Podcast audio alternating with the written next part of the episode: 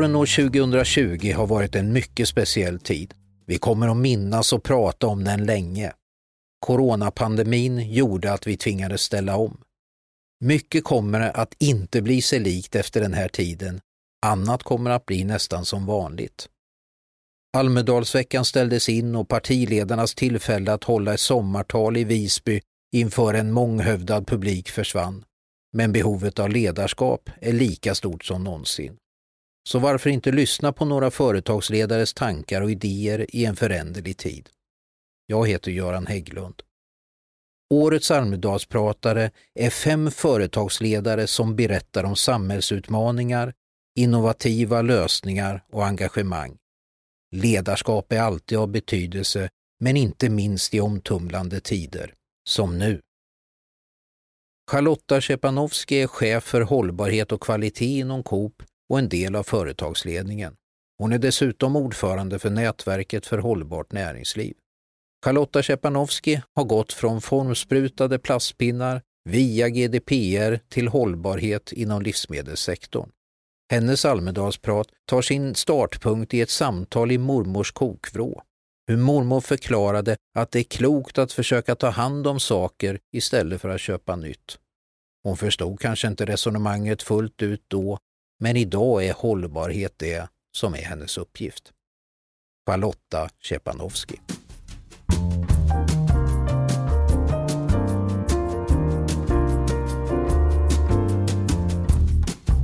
Mormor och jag pratar i hennes lilla kokvrå.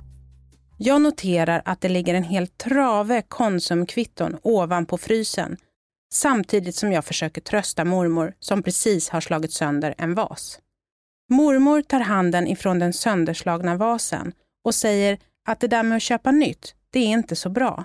Man måste försöka ta hand om saker så att man inte behöver köpa nytt hela tiden. Det här är många år innan jag förstod baksidan med slit och släng och det är många år före jag förstod att en kooperation var något annat än ett aktiebolag. Jag heter Charlotta Szczepanowski och jag är chef för hållbarhet och kvalitet på Coop. Dessutom är jag ordförande i en supercool organisation som heter NMC, Nätverket för hållbart näringsliv. Välkommen till mitt sommar! Jag vill börja med att berätta en hemlighet. Många tror att jag bara brinner för hållbarhetsfrågan, men sanningen är att jag brinner för allt jag kastar mig över. När jag jobbade på Electrolux och formsprutade plastpinnar, då brann jag för formsprutade plastpinnar. Det gick till och med så långt att jag även började brinna för den nya GDPR-lagen när vi på Riksbyggen bestämde att jag skulle driva GDPR-frågorna.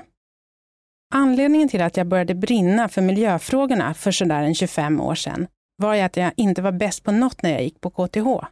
Jag ville ha min egen nisch där jag kunde briljera. Jag pluggade till plastingenjör och när jag började förstå vilket problem mänskligheten faktiskt har skapat för sig själv så kunde jag inte sluta vilja lära mig mer. Numer brinner jag för hållbarhetsfrågor och jag brinner för att förklara hur hela den komplexa hållbarhetsfrågan hänger ihop. Jag tar till alla medel som behövs.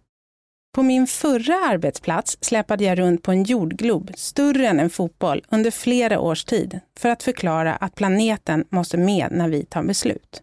Jag har byggt ett jättestort gängaspel som förklarar att arterna dör ut i en alldeles för snabb takt. Jag har tryckt upp vaxdukar med hållbarhetsåtaganden för att alla skulle sitta runt samma bord och snacka hållbarhet. Mitt favorithjälpmedel är ett 4,6 meter långt snöre som beskriver att jorden har funnits i 4,6 miljarder år. När jag visar att industrialismen bara är ett hårstrås tjocklek från det där långa snöret, då brukar jag få människor att förstå att vi faktiskt förstör våra egna förutsättningar och att vi gör det ganska snabbt. Det här ordet brinner, som jag själv använder, är egentligen ett konstigt ord när vi pratar hållbarhetsfrågor. Att brinna för att mänskligheten ska kunna ha ett fortsatt bra liv med hälsa och välstånd, det är väl sånt som alla brinner för? Eller? Faktum är att vi människor måste ändra vårt sätt att leva. Al Gore sa i sin film We could really lose it all. Den där textraden fastnade verkligen i mig och den kommer upp i min hjärna lite då och då. Som när jag ser hur klimatutsläppen ökar. Eller när jag hörde Anders Borg, mitt i finanskrisen, säga att vi ska vara goda medborgare och gå ut och handla mer. Jag förstår att han säger sådär för att vi har byggt in oss i ett ekonomiskt system som gör att vi måste få hjulen att snurra. Men det spelar ingen roll. Vi har bara en planet och den sätter gränser och vi är på väg att passera dessa gränser. Jag har inte djup kunskap om det ekonomiska systemet, men jag tror det nuvarande ekonomiska systemet går att kombinera med de planetära gränserna.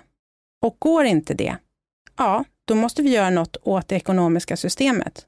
Det bara är så, för planeten kan man inte förhandla med. Jag tycker vi pratar alldeles för lite om det här och jag tänker att mormors sätt att se på produkter borde bli norm. Det är inte bara att köpa nytt. Tiden vi lever i nu, kan den hjälpa oss att hitta vägen framåt? Just nu lever vi i en tid som präglas av ett coronavirus med förfärliga konsekvenser. Jag försöker tänka positivt och hoppas att corona kan hjälpa oss att tänka lite mer långsiktigt. Kerstin Hessius, VD Tredje AP-fonden, deklarerade i Aktuellt att vi måste ha en bättre balans mellan hälsa och ekonomi när vi agerar med restriktioner i och med corona. Hon menade att vi riskerar en depression. Att det finns en risk för att vi ska hamna i samma läge som Tyskland på 20-talet eller USA på 30-talet. Det handlar om en hel generations framtid. Vi måste förstå allvaret, säger hon, och hon är arg. Peter Wolodarski skriver i DN att valet mellan hälsa och ekonomi är förenklat. En god folkhälsa är en förutsättning för en god ekonomi och vice versa. Vi måste rädda båda. Det är precis den här typen av resonemang vi behöver ha. Vi behöver koppla ihop människors möjligheter att tillgodose sina behov med det ekonomiska systemet. Och vi behöver koppla ihop det med ytterligare ett perspektiv. Planetens möjlighet att fortsätta ge oss människor det vi behöver för att kunna ha bra liv, nu och i framtiden. Är jag inte lite väl naiv nu som tror det är möjligt att se helheten i en tid som den här. I en tid som präglas av ett virus som riskerar att ta död på många människor och kasta ner oss i en recession. Nej, naiv är jag inte. Jag är realist. Jag vet att vi kommer att bli mer och mer sårbara om vi fortsätter som vi gör. Jag vet att vi kommer få fler farliga sjukdomar och kanske pandemier till följd av den klimatförändring som pågår. Jag vet att världsstäder hotas av vattenbrist. Jag vet att det är bråttom. Jag vet att vi inte kan prata om ekonomi och hälsa nu och i nästa steg ta med planeten i resonemanget. Vi hinner inte, för belastningen på planeten är för stor. Hur kan jag veta det? Därför att forskningen är tydlig. Forskningen är mycket tydlig. Och jag vill citera Midnight Oil, Beds are burning How can we dance when our earth is turning? How do we sleep while our beds are burning? Hållbarhetsfrågor handlar om att nå en helhet snarare än enskilda hållbarhetsfrågor. Vi måste hitta nya sätt att styra våra företag och vi måste bli tydligare i vår kommunikation. Om vi ska lyckas nå en hållbar utveckling som möjliggör bra liv för människor nu och i framtiden så måste vi hitta nya sätt att styra våra företag på. Anledningen är att hållbarhetsfrågan bär med sig en komplexitet som jag tror många inte orkar acceptera. Jag tänker att det som krånglar till det är att vi ska nå en helhet snarare än enskilda hållbarhetsfrågor. Och samtidigt så hänger alla hållbarhetsaspekter ihop. Många fantastiska initiativ sjösätts, men ofta adresseras enskilda hållbarhetsfrågor eller många liknande hållbarhetsfrågor. Ett exempel är att FN och många andra har arbetat väldigt hårt för att få människor att ha bättre liv världen över. Jag är ett stort fan av Hans Rosling och jag älskar att höra honom berätta hur mycket bättre mänskligheten har det nu jämfört med hur mänskligheten hade det för bara årtionden sedan. Det som oroar mig är att vi vet att när människor får hälsa och välstånd så ökar påverkan på planeten. Jag säger inte att vi inte ska arbeta för att mänskligheten ska få det bättre. Jag säger att vi måste hitta ett sätt att leva där mänskligheten kan leva fantastiska liv utan att ha ett för stort avtryck på planeten. Om vi inte lyckas med det, då kommer samma människor att få det sämre igen. Den utvecklingen har redan börjat. Jag sitter i styrelsen i biståndsorganisationen Viskogen och jag har träffat bönder i östra Afrika som brottas med helt nya väderförhållanden. De har svårt att få lika bra skördar nu som förr och då kommer de kastas tillbaka i fattigdom igen, oavsett alla åtgärder som gjorts för att de skulle få det bättre. Ett annat exempel är alla fantastiska klimatinitiativ som startar. Vissa av dem är klockrena, men i vissa fall ser jag att klimatförändringar medför försämringar inom andra hållbarhetsområden. Ett exempel kan jag hämta från min egen bransch. Fokus ligger just nu på att få konsumenterna att välja matvaror utifrån att de har ett lågt klimatavtryck. Jag vet att maten påverkar många andra frågor som till exempel vattenproblematik, övergödning och biologisk mångfald. I en del fall kan ett klimatsmart val göra mer skada än nytta. Det är till exempel bra för klimatet att välja kyckling istället för en bit rött nötkött. Men det är bättre för den biologiska mångfalden om vi väljer ett naturbeteskött framför en bit kyckling. Och bara så jag inte blir missförstådd nu. Du kan inte lägga naturbeteskött på grillen varje dag i sommar. Det finns inte tillräckligt många naturbetesängar. Vi måste äta mindre mängder animaliskt och mer vegetabilisk mat. Men om du lägger naturbeteskött på grillen någon gång då och då, då ska du inte ha dåligt samvete för det. Naturbetesmärkena behöver kossor som betar och bajsar. Förutom att företag riskerar att ta felaktiga beslut om de inte ser helheten, så kommer de garanterat suboptimera sina aktiviteter eftersom de går omvägar. De kommer i vissa fall ta två steg framåt inom en hållbarhetsaspekt och ett steg bakåt inom andra. Om vi kan acceptera att vi ska nå en helhet och fatta beslut utifrån det, då kommer vi ha kontroll och vi kommer säkra att vi tar det beslut som tar oss mot helheten. En annan sak som oroar mig om inte fler accepterar komplexiteten och helheten är att tilliten till hållbarhetskommunikation kommer att urholkas. Jag såg det här på nära håll när min pappa för några år sedan köpte en miljöbil som gick på diesel. Pappa var stolt och jag var glad för att pappa gjorde en miljöinvestering. Samtidigt gnagde det lite i mig. Dieselbilar har ju ganska stora miljöproblem, tänkte jag, men jag la undan den tanken. Det dröjde inte många månader förrän pappa ringde till mig och undrade om det där med miljözoner. Pappa bor mitt i Stockholm och det var snack om att Stockholms stad ska införa miljözoner där dieselbilar inte får köra. Pappa ställde den självklara frågan. Det gäller väl inte min bil? Det är ju en miljöbil. Jag förklarar för pappa att när han köpte miljöbilen så kallades den miljöbil för att den släppte ut lite mindre klimatpåverkande gaser. Miljözoner handlar om partiklar och sånt som gör att människor mår dåligt av avgaserna i våra städer. Förklaringen jag gav förstods, men tilliten till avsändaren av miljökommunikationen var borta. Jag ska aldrig köpa något som det står miljö framför, sa pappa. Jag tänker att jag förstår pappa fullt ut. Jag tänker att jag inte ska vara delaktig i den typen av kommunikation. Sveriges medborgare måste ha tillit till det som sägs om miljö och hållbarhetsfrågor och beslutsfattare behöver ha med sig Sveriges medborgare om vi tillsammans ska lyckas förändra vårt samhälle. Och förändra samhället behöver vi göra om vi ska nå en hållbar utveckling. Men går det då att ta det här helhetsperspektivet? Ja, det går. Det handlar om att tänka lite annorlunda bara. Inte jättesvårt, men annorlunda. Jag tänker att många företag ofta försöker att analysera fram de viktigaste hållbarhetsaspekterna på fel nivå i organisationen. Företag kollar på de globala målen och väljer ut kanske ett till fem mål som är viktiga för det företaget. Dessa mål försöker företagen sedan styra och säkra att man är med och bidrar till. Att välja ut några mål på en övergripande nivå kan skapa problem. Många företag är stora och inom stora företag arbetar man med många olika saker som påverkar hållbarhetsfrågan på helt olika sätt. På Coop arbetar vi ju med att köpa in och sälja mat. Vi arbetar också med att köpa in och sälja andra varor som stekpannor och skärbrädor. Vi arbetar med att utveckla och designa förpackningar till våra egna varumärken som till exempel Änglamark. vi arbetar med att transportera varor och så vidare.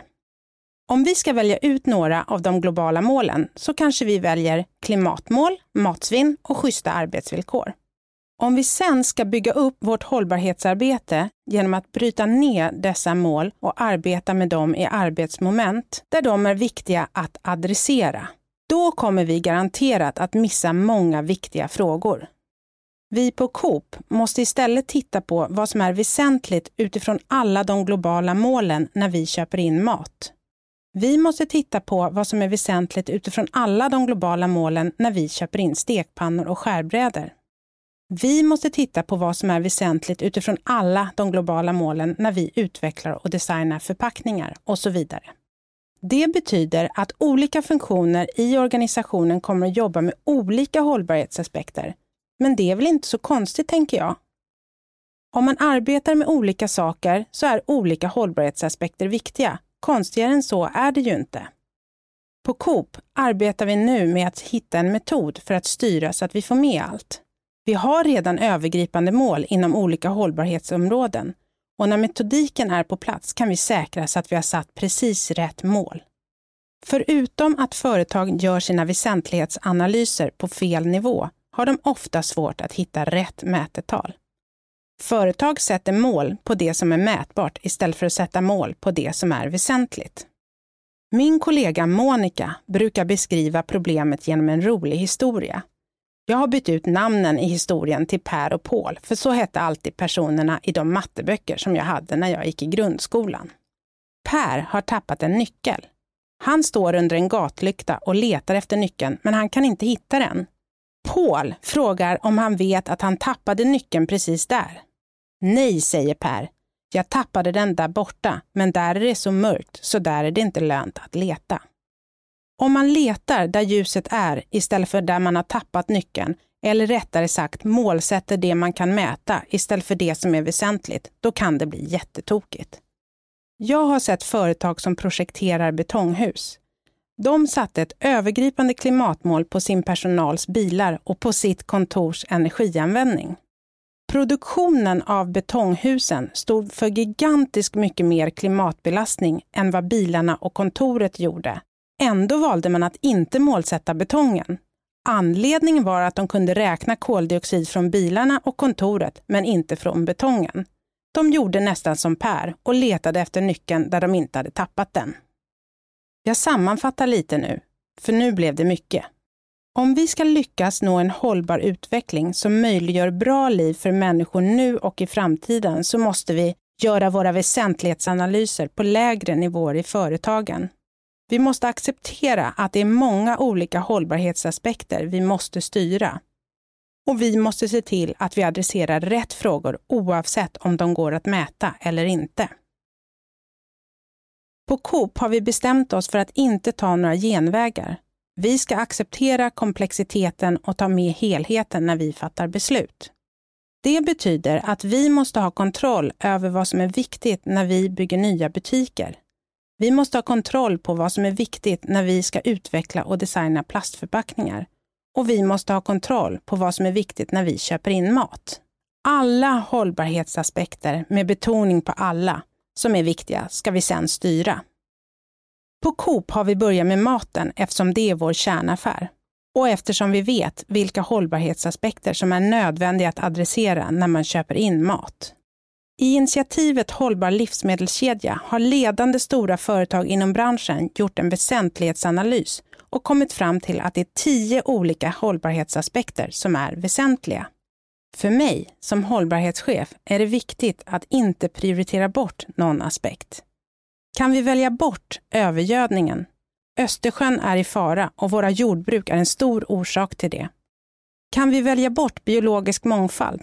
Hur ska vi kunna odla mat om vi till exempel inte har en fungerande pollinering? Kan vi välja bort att arbeta med vattenfrågan? Det är massor av vatten som går åt när mat produceras. Visste du att det går åt lika mycket vatten att producera en kopp kaffe som när du duschar i 22,5 minut? Vidare kan vi såklart inte välja bort människors arbetsvillkor eller hur lokalsamhällena runt omkring produktionen fungerar. Klimatfrågan är det nog inte heller någon som vill välja bort. Att välja bort djurvälfärden är också helt omöjligt. Givetvis måste djuren få ha bra liv och med tanke på att många har uppmärksammat att det är problem med djurvälfärden så skulle det nog skapa rubriker om vi tog bort den parametern. Vi i Coops företagsledning bestämde oss för att vi måste adressera alla tio hållbarhetsaspekter. Jag är stolt över att vi på Coop hade modet att gå den här vägen. Det innebar att vi på Coop har börjat en resa som kommer att göra att vi visar vägen och att vi är den goda kraften i Matsverige, precis som vi vill vara. Efter att alla var överens om att alla frågor skulle adresseras startade en kreativ och fantastiskt rolig process. Jag satte mig med min fantastiska kollega Stina Prins i ett konferensrum som heter Deklarationen. Det är faktiskt lite roligt. Det som Stina och jag började kreera i rummet som hette Deklarationen var just hållbarhetsdeklarationer. Jag ritade en stor cirkel med alla tio olika aspekter som vi nu enats om var nödvändiga att arbeta med. Jag frågade Stina, som är otroligt kunnig inom mat och hållbarhet, om hon kunde förklara hur en svensk kyckling var på en skala från 1 till 5 inom de olika parametrarna. Stina hängde på och vi ritade upp ett spindeldiagram med tio axlar. Jag fick direkt förståelse för var problemen med kycklingproduktion låg. Vi provade med svensk nötkött och jag kände hur massor av pusselbitar föll på plats när jag såg diagrammet växa fram. Vi hade tagit det första steget mot Coops hållbarhetsdeklarationer, fast det visste vi ju inte då. Stina fortsatte att skicka diagram till mig. Jag fick lax, naturbeteskött, böna och jag kände att mitt eget kunnande växte i takt med att jag fick de olika diagrammen. Jag måste testa, tänkte jag och en kväll på landet när min mamma serverade lax passade jag på. Jag tog upp datorn och visade ett spindeldiagram som visade laxens hållbarhetsavtryck. Jag såg med glädje hur intresset växte hos mamma. Hon, som inte brukar vara överdrivet intresserad av hållbarhetsfrågor, dök in i diagrammet och frågade en massa frågor. Hon stannade upp och sa att det här är ju jättebra. På Coop började jag testa spindeldiagrammen hos alla som ville lyssna. Jag är ganska envis. Ingen kommer undan. Alla verkade få en aha-upplevelse när de såg diagrammen. Själv började jag brinna och var nästan på gränsen till besatt. Min fantastiska väninnas dotter Imani är superduktig på att brodera. Hon broderade en väska med spindeldiagram på till mig. Det tog 27 timmar. Den väskan har jag använt sedan den dagen och i nästan alla samtal kastar jag upp min spindeldiagramsväska. På julmiddagen, på tunnelbanan eller i möten som handlar om helt andra saker. Överallt åker väskan upp. Jag älskar att se den där aha-upplevelsen i människors ögon och jag kan inte sluta. Jag vet att mer kunskap behövs inom hållbarhetsområdet och det här är en ögonöppnare. Vi på hållbarhetsenheten fortsatte att producera diagram och vi tänkte att vi behöver bygga en systematik. Vi satte igång och la in all data i en Excel-snurra. Det här är bara början på ett fantastiskt jobb som hela hållbarhetsavdelningen nu har jobbat med i över ett och ett halvt år. Coops medarbetare på hållbarhetsavdelningen är otroligt kunniga inom alla dessa tio hållbarhetsaspekter och alla har bidragit med sin kunskap i arbetet. Vi har vridit och vänt på data som går in i databasen och vi har förankrat med forskare. Idag har Coop ett regelverk och en databas som kan ta fram spindeldiagram och vi arbetar för fullt med att få till spårbarheten så att vi kan få fram alla råvarors ursprungsländer. Dessutom har vi arbetat fram en metod som gör att vi kan styra hållbarhetsfrågorna i vår inköpsaffär med hjälp av spindeldiagrammen. Många tror att hållbarhetsarbetet handlar om att välja bort dåliga produkter. Det gör vi hela tiden. Dåliga produkter tas bort löpande. Det är en del i det dagliga arbetet. Men det går inte bara att arbeta så. Vi har en bred affär som säljer varor till alla människor i hela landet. Det stora och svåra arbetet handlar om att tillsammans med våra leverantörer hela tiden förbättra vårt sortiment successivt. Med hjälp av vårt spindelverktyg kommer vi kunna hitta fantastiskt bra samarbeten med våra leverantörer eftersom vi vet precis vilken fråga vi måste adressera beroende på vilken produkt det är vi pratar om. Verktyget vi har skapat ger oss oändliga möjligheter. Det här är bara början. Jag var först tveksam till om vi skulle gå ut med spindeldiagrammen till kund. Jag är noga med att ha hängslen och livrem när det gäller vetenskap. Allt ska vara helt rätt. Vid en frukost med en vän kom jag plötsligt på det. Vi ska gå ut helt transparent och vi ska be om hjälp för att förbättra all data. Det kommer alla att tjäna på. Marknad och kommunikationsgänget började fundera på hur vi skulle lansera spindeldiagrammen. Jag vet inte hur den briljanta idén föddes, men helt plötsligt ringer vår marknadsdirektör Marie till mig och hon vill bolla en grej. Hon säger att vi ska kalla spindeldiagrammen för hållbarhetsdeklarationer. Hon säger att KF var först med innehållsdeklarationen och nu ska vi lansera hållbarhetsdeklarationen. Alla livsmedel ska deklareras och vi ska utmana branschen att följa efter. Jag tyckte det lät bra, men var initialt lite tveksam till idén. Jag har arbetat med och sitter i styrelsen i EPD-systemet, Environmental Product Declarations. Ett internationellt system som har skapat ett regelverk för hur vi ska kunna miljövarudeklarera produkter utifrån ett livscykelperspektiv. Kan vi verkligen kalla det för hållbarhetsdeklarationer? Jag landar i att vi kan det och nu tycker jag det är briljant. Jag är så sjukt stolt nu när vi lanserar våra hållbarhetsdeklarationer. Jag vet att alla våra kunder snart kan se alla 17 000 livsmedels hållbarhetsprestanda i sina telefoner. Jag vet att inte alla kommer att kolla, men jag vet att vissa kommer att göra det. Jag vet att det i framtiden kommer bli lika naturligt att kolla hållbarhetsdeklarationen som när vi idag kollar innehållsdeklarationen. Jag har arbetat med det här så länge, så att äntligen få berätta om det för alla som vill lyssna känns stort. Lite, men bara lite, likt att förlösa ett barn som man gått och burit på en längre tid. Och varför går Coop före så här? Jag tror svaret är att vi är ett kooperativ. Vi har en historia av att driva konsumentfrågor. Jag har arbetat i massor av olika branscher, i aktiebolag, statliga bolag och i kooperation.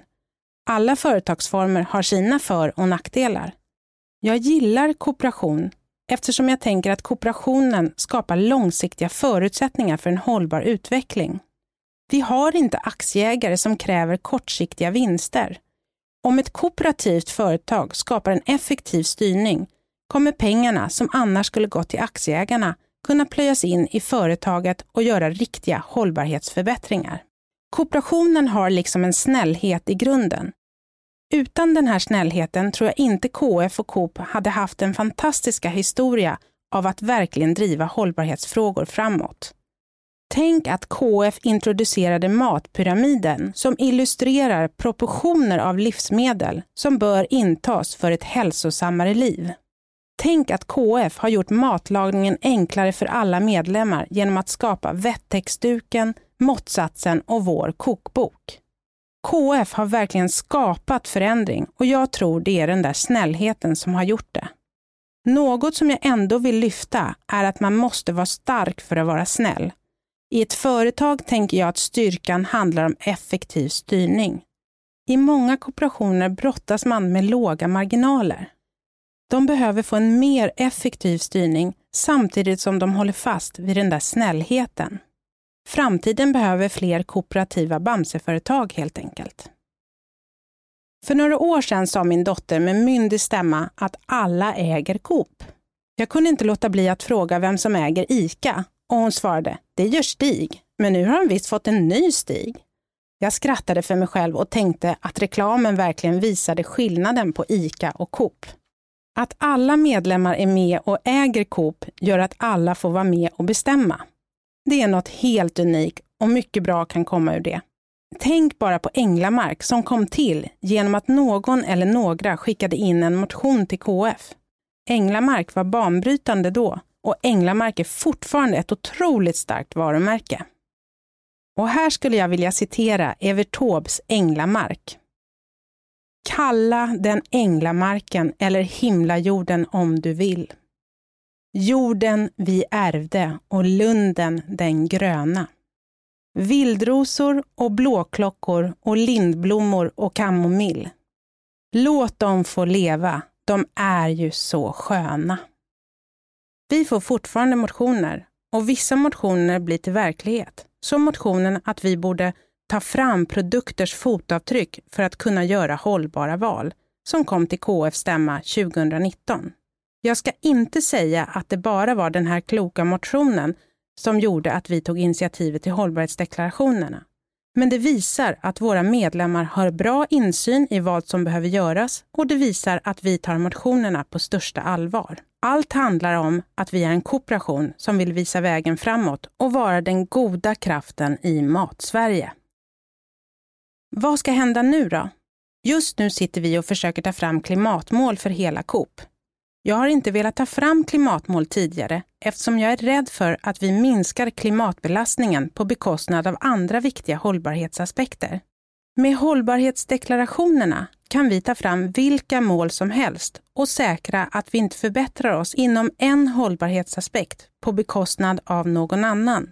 Och skulle vi välja att minska på klimatbelastningen på bekostnad av till exempel övergödningen, då har vi kontroll och kan göra något åt det i nästa steg. Vi ska också börja rapportera hållbarhet utifrån alla dessa tio aspekter så att styrelsen kan hjälpa oss att styra mot det som är viktigt. Och vi ska sätta igång forskningsprojekt som gör att data i vår databas förbättras. Att få till spårbarheten kommer vi också ha lite jobb med framöver, men den utmaningen antar vi. Dessutom ska vi utmana hela branschen så att de också börjar deklarera utifrån en helhet. Vi har fantastiska samarbeten med de andra företagen inom dagligvaruhandeln. Alla konkurrenter är supervassa och har bra hållbarhetsarbeten. Tillsammans kommer vi driva hållbarhetsfrågorna framåt och bidra till att maten kommer ha så lågt hållbarhetsavtryck som det bara går i framtiden. Och det är viktigt.